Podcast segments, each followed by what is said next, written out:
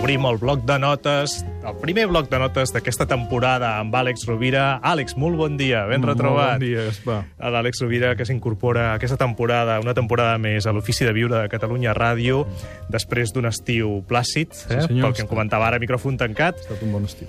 I també s'ha estrenat a Facebook, amb molts seguidors, ja amb més de 3.000 o 4.000 seguidors. Eh, recordo que és tan fàcil com clicar el m'agrada al Facebook. Com ho portes, això de les xarxes socials, Àlex? Bé, bé, jo durant molt de temps vaig eh, ser reticent a entrar-ne perquè volia veure la lògica i, i la veritat és que bàsicament m'ho plantejo com un espai on compartir i, i regalar allò que crec que és útil, que és bonic, i està molt estret també lligat amb la plana web. Eh, per tant, m'agrada molt perquè és un canal que et permet una interacció molt directa i molt immediata amb altres persones i n'estic molt content, la veritat.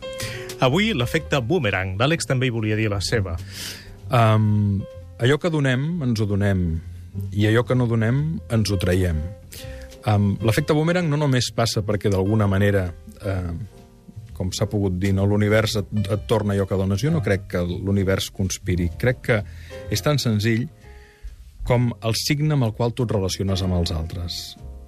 Um, qui sembra amor té més probabilitats de recollir amor. Qui sembra generositat té més probabilitats de, de recollir. M'agrada entendre la vida com una sembra de possibilitats o de probabilitats.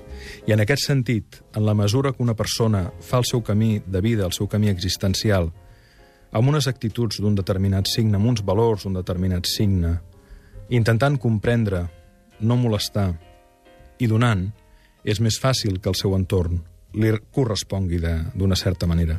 Però tampoc no és garantia. Hi ha bellíssimes persones que sembla que no reben allò que donen. Jo no crec en que hi hagi un, un principi de justícia còsmica. Eh, hi ha un principi de justícia humana si l'home treballa per encarnar la justícia. El que està clar és que l'utopia és possible sempre i quan les persones la manifestin en les seves accions quotidianes. M'agrada molt aquella frase de Sivananda que diu Sembra un pensament i recull una acció. Sembra una acció i, colli, i recolliràs un hàbit. Sembra un hàbit i forjaràs un caràcter. Sembra un caràcter i colliràs un destí. Però davant de tot això, del pensament que genera una acció, que genera un hàbit, que forja un caràcter i que crea un destí, hi ha l'actitud. Per tant, l'efecte boomerang, sobretot, pot venir condicionat per l'actitud que nosaltres tenim en tres eixos. Nosaltres mateixos, l'altre i la vida. A la mesura que l'actitud que tingui amb mi sigui respectuosa, amable, constructiva, amb l'altre també i amb la vida també, tinc més probabilitats que no garanties de que la meva vida ressoni amb la música que estic composant per ella.